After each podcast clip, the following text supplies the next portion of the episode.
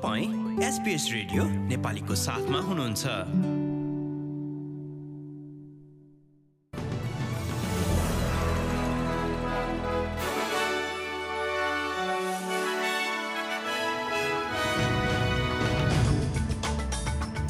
नमस्कार आज हो बुधबार सत्ताइस सेप्टेम्बर दुई हजार तेइस र अब पालो भएको छ एसपिएस नेपालीबाट आजका प्रमुख अस्ट्रेलियाली समाचारहरू सुन्ने।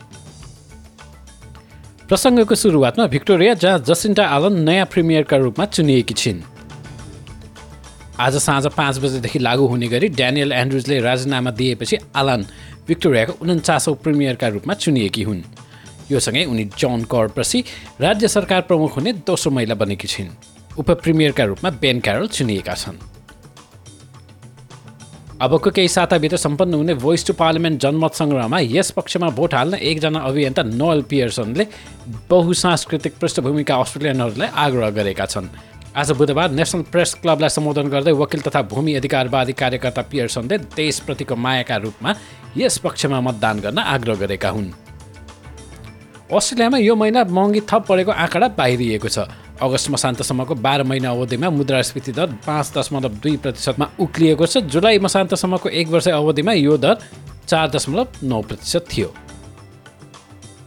प्रधानमन्त्री एन्थोनी एल्बनिजीले राज्य तथा प्रदेशहरूले कोभिड उन्नाइस सम्बन्धी काम कारवाहीबारे छुट्टा छुट्टै छानबिनहरू गर्नुपर्ने बताएका छन्। सङ्घीय छानबिनले राज्यहरूद्वारा लागू गरिएका लकडाउन तथा सीमाबन्द लगायतका निर्णयहरू हेर्न नपर्ने आदेशको बचाउ गर्दै उनले उक्त कुरा बताएका हुन्। बाह्र महिना कार्यकाल रहने छानबिनले सङ्घीय सरकारको खोप र उपचार विदेशमा रहेका अस्ट्रेलियनहरूलाई दिएको सहयोग एवं आर्थिक सहायताबारे निर्णयहरूको समीक्षा गर्नेछ। र खेलकुदमा फ्रान्समा जारी रग्बी वर्ल्ड कप जहाँ वालाविज वरियता क्रमको अन्तिम स्थानमा पुगेको छ। लायनमा वेल्स विरुद्ध खेल्दै चालिस छको अन्तरले हार बिहोरेपछि अस्ट्रेलियन टोली दसौँ स्थानमा समेटिनु पुगेको हो। हस्त एसपिएस नेपालीबाट आजका प्रमुख समाचारहरू यति नै। सुरक्षित रहनुहोस्। नमस्ते।